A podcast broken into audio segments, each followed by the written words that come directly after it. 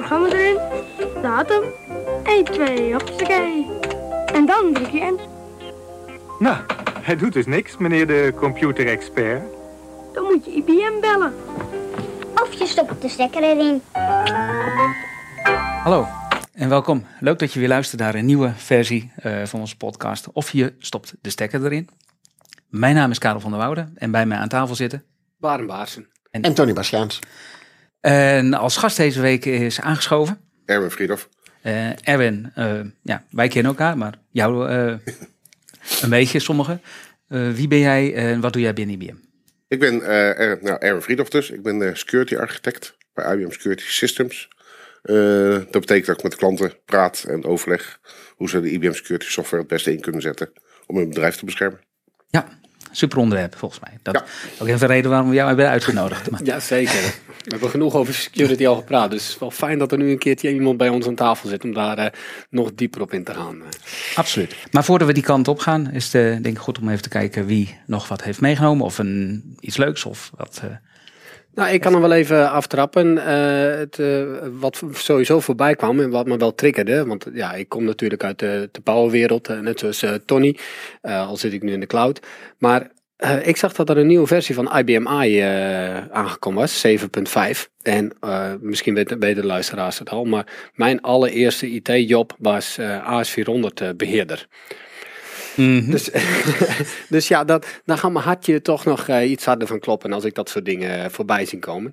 En als ik daar dan ook ga kijken naar, eh, ja, wat is dan verbeterd bijvoorbeeld? Nou, iets wat er voor mij uitspringt. Want als je over IBM i praat, dan praat je eigenlijk over, ook over ja, als ik kijk naar Ja, maar als ik kijk naar i, dan denk ik ook heel erg de groen schermen van vroeger. Zeg maar. Snel werken, heel erg optimaal werken en dat soort zaken. Ja, ja, ja. en binnen IBM i is ook DB2 gewoon ja, geïntegreerd eigenlijk kun je het zien als één geheel. Eh, DB2 op IBM i is niet hetzelfde als DB2 op, eh, op Linux, eh, Windows of Unix. Dus dat moet je wel even los van elkaar zien. Maar als we dan hier kijken, dan staat er dus dat er een gigantische sprong is gemaakt in de Binary Radix Index. Als ik het goed uitspreek. Dat was eerst eh 1,7 terabyte. En die hebben ze vergroot naar eh 16 terabyte. Dus eh, dat, eh, dat is toch wel even een flink sprongetje. En dan is voordat dat je meer in memory kunt gaan doen? Of? Ik, ik denk dat dit de index is die de DB2 daarin gebruikt. Maar hoe dat precies zit, dat zal ik in de show notes er even bij zetten. Want daar ben ik zelf voor. Ik ben zelf geen eh, DB2-specialist daarin. Daar ben ik eerlijk in. Maar wat ook leuk is om te vertellen, bij die 7.5 release hebben ze ook gezegd, hebben ze een, een nieuw extra product geannonceerd. Ehm, en even de lange naam daarvan op te zoeken, die pak ik er eventjes bij. Dat is de IBM i Modernization Engine for Lifecycle Integration. Merlin. Oh, Merlin. Nou ja, het is, het is goed dat je dat zegt, Tony. Want eh, die noemen wij ook wel de Wizards of Wizards. Oftewel Merlin. Het is een, eh, ja, ik moest een grapje maken, want dat eh, kon natuurlijk niet. Maar aan, aan de hand van, van een wizard kun je dus, eh, eh, helpt deze applicatie mee om jouw applicaties eh, te moderniseren. Ja, en dan zijn we even weer af van jouw groene schermen. Waar jij net, net overkwam van oh, IBM met groene schermen. Nee, dat is al lang geweest. We zijn al veel, veel moderner. En we pakken daar steeds meer stappen op om, om die modernisatie te pakken. En we zien daar echt dat IBM i daar, die heeft misschien voor de buitenwacht nog een beetje de opwollige naam, maar die, die maken daar echt hele grote stappen in. En die zijn echt heel erg bezig om voor die modernisatie. En die I, dat, dat staat dus eigenlijk voor integratie. Nou, DB2 was dan partner. Maar je ziet daar dus ook heel veel open source tooling daar omheen zitten. Dat, dat, dat is echt een integratie waar eh, heel veel stappen worden gemaakt eh, daarin. Ja. Het was zeker niet mijn bedoeling om I op te doen. Het was alleen van, hoe ken ik I van... Maar als je kijkt naar efficiënt werken, zijn die groene schermen vaak wel efficiënter dan toetsenbord, klik, toetsenbord, Oh, klik. absoluut. Ja. Wordt ook niet afgeleid door allemaal mooie plaatjes. Even, eh, toch even weer de serieuze noot. eh, dit was een part van, de- of een deel van de, van de annonceringen. IBM i 7.5, eh, IBM Merlin. Ehm, we hebben een aantal tooling eh, tools die we gebruiken bij IBM eh, Power, zeg maar zeggen, wat breder. Die zijn ook allemaal weer eh, een update eh, gekregen. Dus er zijn een aantal nieuwe eh, releases eh, uitgebracht uit eh, ja, onze software tools, zo spreken. Dus Merlin voor de IBM i Next Gen apps, om het zo maar even te noemen. Ja. Dat was vanaf mijn kant. Oké, Erwin, had jij nog iets wat je even wou delen met de luisteraars? Ja, er is natuurlijk, eh, op security gebeurt er heel veel eh, nieuws, uiteraard. Mhm. Eh, IBM zelf blijft ook niet stilzitten. We hebben net eh, een, een nieuwe partij weer overgenomen voor endpoint protectie. En daarmee is ons hele zogenaamde Extended Detection and Response platform bijna compleet. En dat gaat van endpoint tot aan netwerk en alles daartussen. Als er iets gebeurt en om daar goed op te kunnen reageren. En hoe heet het bedrijf wat we net weer over hebben genomen? Reacta. Reacta. Oké. Dat is een Ne- Nederlands, Nederlands Singaporees bedrijf. Eh, zit hier in Amsterdam. Oké. Eh, komt binnenkort ook hier op eh, HDK te zitten. Dus, af en toe zijn ze er al. Eh 40 mensen ongeveer worden nieuwe developers aangenomen om te zorgen dat we dus eigenlijk alle endpoints kunnen gaan ondersteunen. Windows en macOS zijn nog heel goed ondersteund. Linux loopt nog een beetje achter, staat nu op de development roadmap. Dus er komt snel een nieuwe agent. En eh, de klassieke antivirus werkt natuurlijk met eh, signatures. En dit werkt echt op gedrag. En het mooie is, er zit een stukje in, dat heet Nano OS. Dat draait in de VTX-core van een Intel CPU. Dus ook al heb je de agent uitgezet, dan zijn er een aantal basisprotecties nog steeds aanwezig. En dat is echt uniek voor Reactor. Oké. Ja. En eh, ja, daar gaan we nu eh, flink mee eh, de markt op. En dat wordt dan onderdeel van ons hele portfolio. Ja. Zeg maar. Is Ja, onderdeel. van Is onderdeel. Ja, het is nu officieel helemaal overgenomen en geïntegreerd. Mooi. Nou, hele goede stap. Ja, nou, dat zie je toch wel. Dat, dat IBM eh, eh, bedrijven geïnteresseerd blijft in bedrijven met security. Ja, en ik Ja. denk ook echt wel dat het belangrijk is hoor. Ja, klopt. We hebben natuurlijk een aantal bedrijven, hebben, of een aantal producten hebben we zelf nu afscheid van genomen. Waar we eigenlijk geen focus meer op hadden. Een stuk eh, codescanning en eh, het I2-portfolio. Maar er ste- staat tegenover dat we dus andere dingen weer proberen over te nemen. Of samenwerkingen. Want we hebben natuurlijk een software en een services tak. Als je kijkt naar security, daarmee zijn we redelijk uniek binnen de hele technology eh, unit. Eh, en onze eh, services mensen die kunnen ook weer met andere bedrijven samenwerken. Zo werken zij bijvoorbeeld weer samen met Zscaler of CyberArk, wat weer een directe concurrent is van IBM. Ja. Maar ja, de klanten willen niet alleen Ook eh, IBM. meerdere. Ja, maar ik Ja, denk, denk dus- ook dat je als bedrijf ben je natuurlijk met z'n allen tegen de slechte kant, om het zo maar te zeggen. Dus, Nou ja, dat is ook een van de stappen die eh, de afgelopen, nou zeker drie jaar heel hard hebben genomen. Is in plaats van, eh, natuurlijk we hebben een, een, product, hè, een, een, een SIEM, hè, zoals voor security monitoring of een eh zo'n SOAR platform voor response. SIEM staat voor. ja, security incident en event management. Ja, dankjewel. Ja, Dat is soms en SOAR is, is Security eh, Orchestrated and Automated Response. Ja. Dus de SIEM detecteert en met je SOAR doe je de respons aan de hand van playbooks. En dat is eigenlijk een vast omschreven methode waarop je op een bepaalde eh ja, breach of iets dergelijks reageert. En wij hebben dan vanuit IBM hebben we dan orchestration. Dus de uit, uit, uitkomst van de ene stap kan input zijn voor de andere stap. En dan beslissen wat er vervolgens moet gaan. En automaten, dus zoveel mogelijk automatiseren daar waar het nut heeft. Als je bijvoorbeeld een virus op een systeem hebt, dan kun je het systeem van het netwerk afhalen. Maar als er nou toevallig een terminal is van, eh, die een, eh, een, een poort bedient, dan wil je misschien niet gelijk uitzetten. Maar dan wil je misschien gewoon toch even handmatig iets doen, omdat anders niemand meer naar binnen of naar buiten kan. Hè, dus dat, dat soort eh, beslissingen kan je erin doen. Ehm, maar je ziet dus dat heel veel eh, bedrijven die werken goed samen met zichzelf. Eh, Microsoft is heel goed op de, op de Azure Cloud. Maar heb je heel veel on-premise nog staan of in andere clouds, dan wordt het al wat lastiger. Nou, AWS, Ja. sommige dingen wel, sommige dingen niet. Eh, ons security portfolio, dat baseren we zoveel mogelijk op open standaarden in ieder geval. En daar waar mogelijk open source. En wat we ook hebben, geven we weer terug aan de Open Cybersecurity Alliance. Dus we hebben nu een aantal eh, eh, producten teruggegeven. En dan kunnen andere vendoren dat ook weer gebruiken. Of gewoon iedereen kan dat gebruiken. Waardoor je dus veel betere interoperabiliteit krijgt. En eh, dus als jij een SIEM van IBM hebt, kunnen wij met een SOAR-platform van een andere leverancier werken. En vice versa. Eh, eh, Ik snap het idee erachter van, van dat weer teruggeven. Ehm, en, dat is natuurlijk gewoon ja, waar je werkt met je open tools en je open standaarden. Maar in, security is dat dan ook niet doordat je bepaalde technieken weer, zal maar zeggen, vrijgeeft voor de open wereld, dat de slechteriken dat dan ook zien wat, wat, wat we doen en daar dus weer makkelijker op kunnen reageren? Of hoe wordt daar naar gekeken? Ehm, nou, als je kijkt naar de correlatie-engine die onder bijvoorbeeld een Curator zit. Curator is, de IBM SIEM. Ja, dat is gewoon proprietary technologie, hoe dat gebeurt. Maar in eh Curator XDR Connect, dat is een platform om met meerdere eh, security systemen te kunnen eh, integreren, automatisch. Dat is gebaseerd op Stickshifter. En die taal, dat is eigenlijk meer een annotatietaal. Dus dat maakt niet uit dat anderen dat ook weten. Hetzelfde geldt voor Kestrel, dat is een eh, zo'n thread hunting taal. Dus van hoe vind ik mijn threads in een grote hoeveelheid data. Dat hebben we ook gewoon een open source gegeven. Maar dat is ook gewoon een manier van werken, hoe je connecties maakt en hoe je translaties maakt. Dus dat zit niet in het begin van echt van de detectie. Uh, en ja, ik denk niet dat dat echt een risico is. En het voordeel is als het open source is, als iemand er wat vindt, kan het vaak makkelijker gefixt worden. Ja, nee, dat eh, klopt. Ik, ik ben, we staan we helemaal echt uh, het open source idee. maar ik zat even te denken van, ja, is dat in, in de security hoek nou wel, handig? Maar nee, dat, dat klopt. Ja, maar je ziet dat in security heel veel uh, open standaarden ge gebruikt worden. En voor authenticaties worden bijvoorbeeld uh, SAML en OAuth gebruikt. Nou, die staan tot in de puntjes beschreven op het internet. Dus iedereen weet gewoon hoe dat werkt en hoe die netwerkflows gaan en dat soort dingen. Dus dat, je moet er een goed implementeren. Dat ja, nou ja, oké. en, en, dat is dan, wat jij zegt dan, je moet het goed implementeren. Is dat dan waar jij, zal maar zeggen, jouw focus op ligt? Want jij zei in de introductie van, ja, ik ben, ben architect. Dus mm hoe moet ik dat, dat zien? Jij komt bij bedrijven binnen en je, je gaat door het IT-landschap kijken van...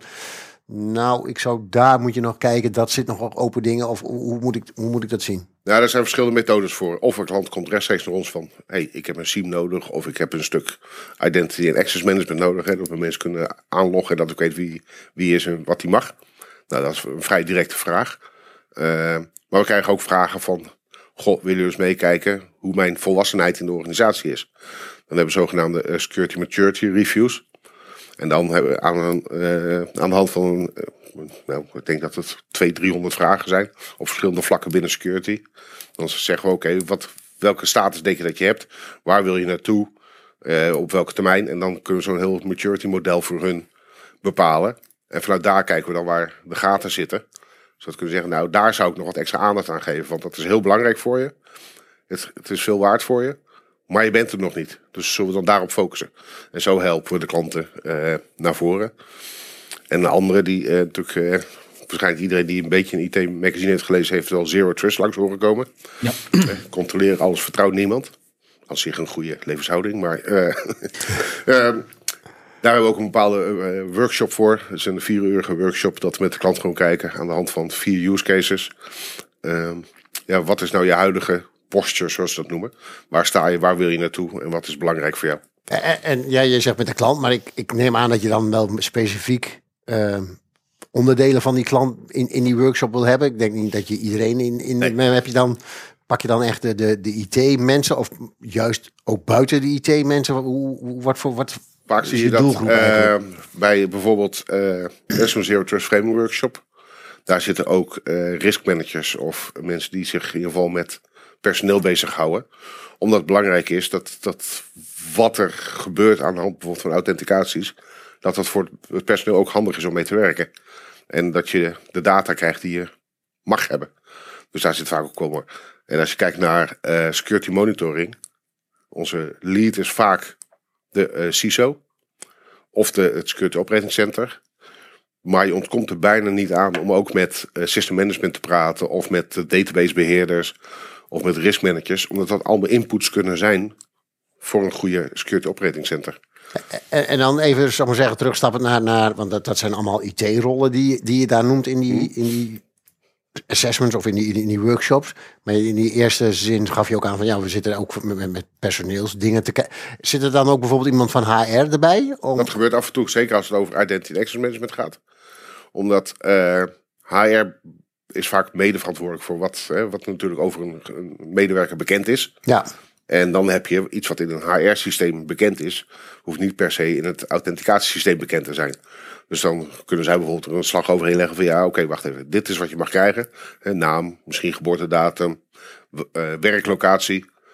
Uh, maar wat hij nou precies uh, verdient, ja, dat heb je helemaal niet nodig. Nee. Of wat zijn huisadres is.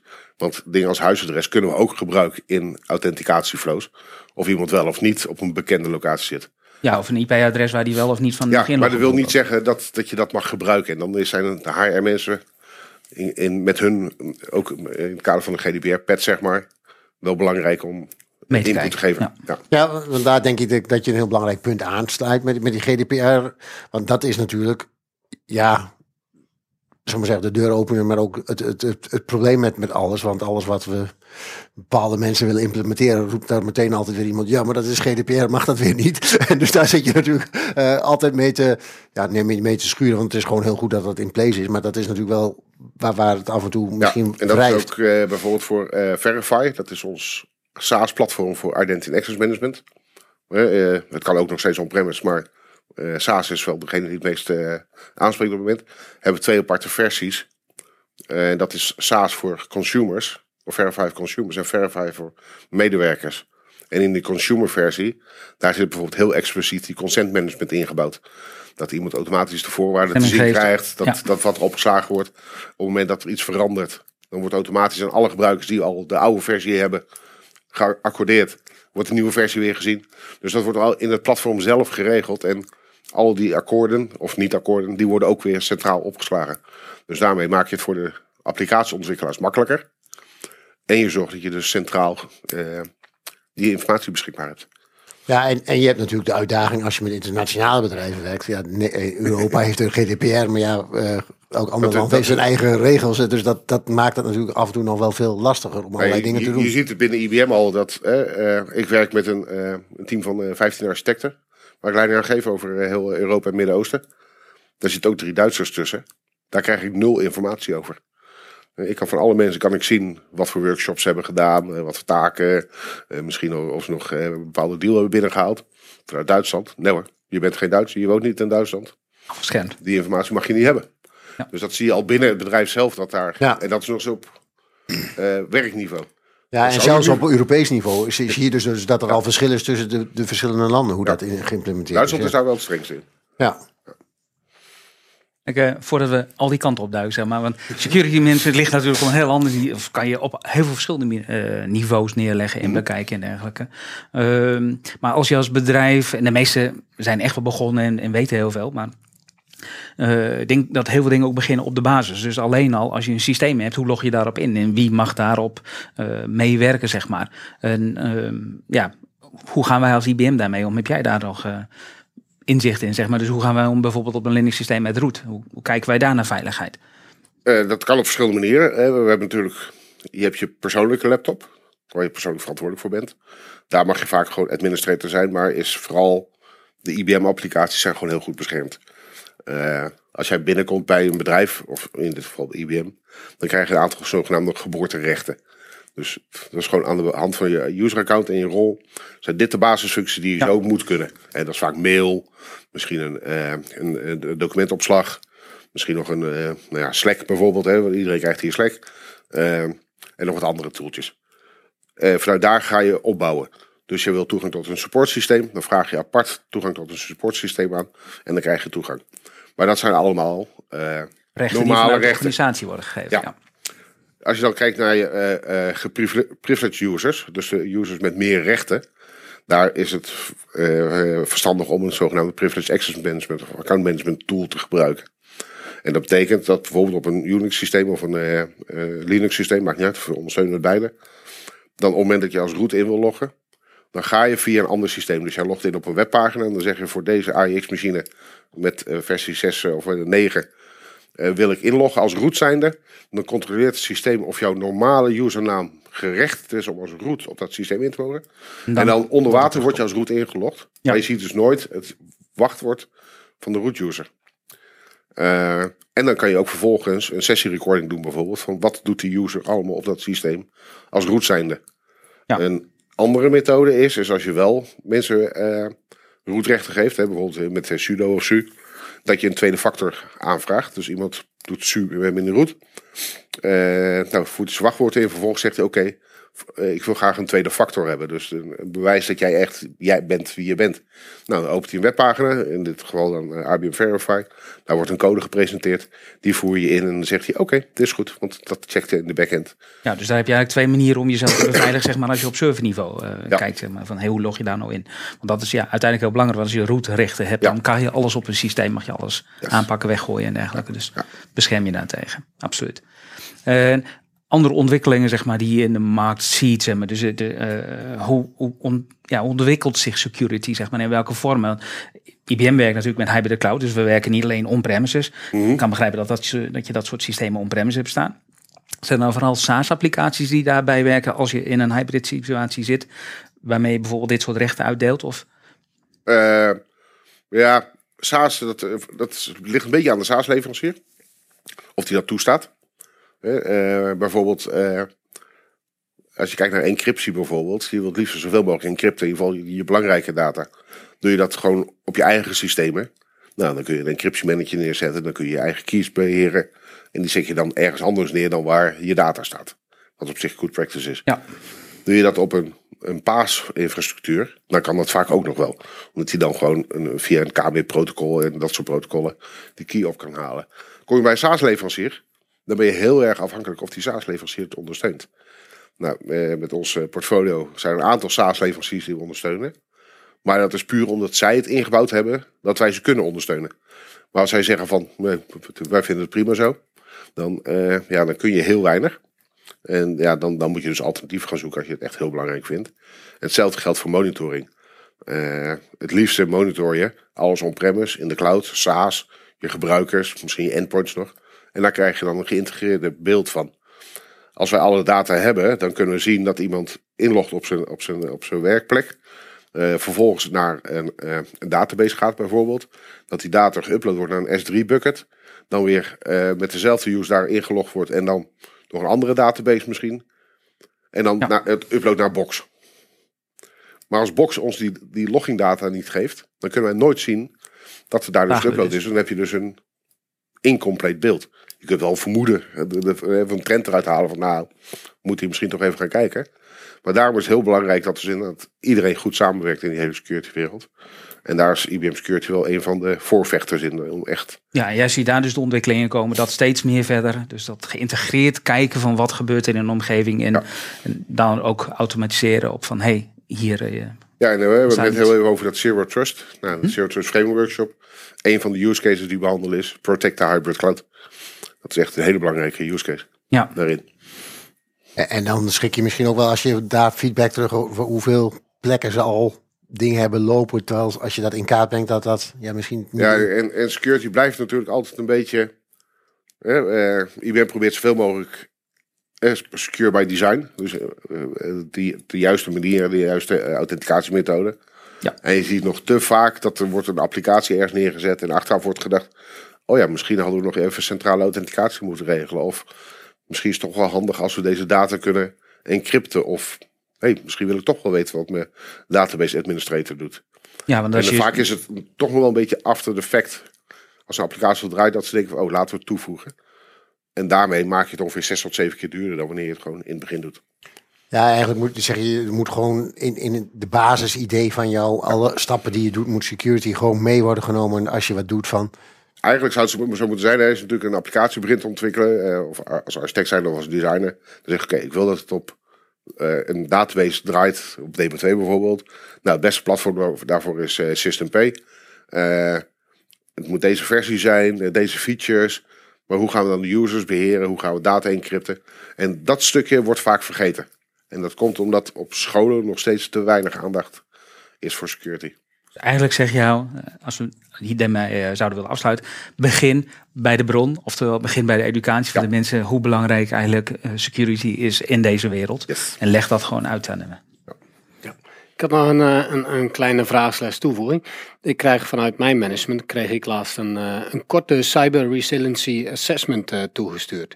De krat. Ja. Kun je daar iets over vertellen? Misschien als, als afsluiting naar... eh, de Krat, zit iets meer aan de stories kant, zeg maar. Om te kijken van wat is daar de analyse en hoe sta je er vanuit een stories perspectief bij, zeg maar. Dus welke features gebruik je om je data te beschermen en op wat voor manier bescherm je dat. Dus kijk je naar backups, kijk je naar snapshots, kijk je naar immutability, kijk je naar dat soort zaken, zeg maar. En uiteindelijk komen daar ook allerlei security vragen bij. Maar eh, eigenlijk wat Erwin al aangaf, een lijst van vragen waar je met een klant doorheen loopt en uiteindelijk een beeld schetst van hoe sta je er als klant voor en wat zijn elementen waar je goed in scoort, zeg maar. Of waar je zegt van nou, hier hoef ik nu op dit moment niet zoveel focus te hebben. En welke elementen zou ik kunnen, eh, ja, extra aandacht aan kunnen besteden. Oké, dus de krat is meer voor storage. Iets, En dan- iets meer vanuit die hoek aan. Ja, en als je dat invult, dan En krijg de krat kijkt, voor, voor zover ik weet, hè, ik heb er voor mij één of twee keer voor mij samen met jou of iemand anders meegewerkt, is meer naar de resiliency. Ja. Hè, En de resiliency is van hoe flexibel of hoe weerbaar ben je als er iets gebeurt, dat je weer terug kan naar de oorspronkelijke situatie. Ja. En security kijkt meer van hoe blijf ik veilig en hoe zorgen dat de threat gewoon weggaat. Ja. Maar zonder die eh, resiliency van je storage kun je nog alles beveiligd hebben, kun je nog steeds niet terug. Ja, dus het werkt allemaal samen. Ja. En daarmee eh, sluiten we de, deze podcast eh, af en trekken we de stekker eruit.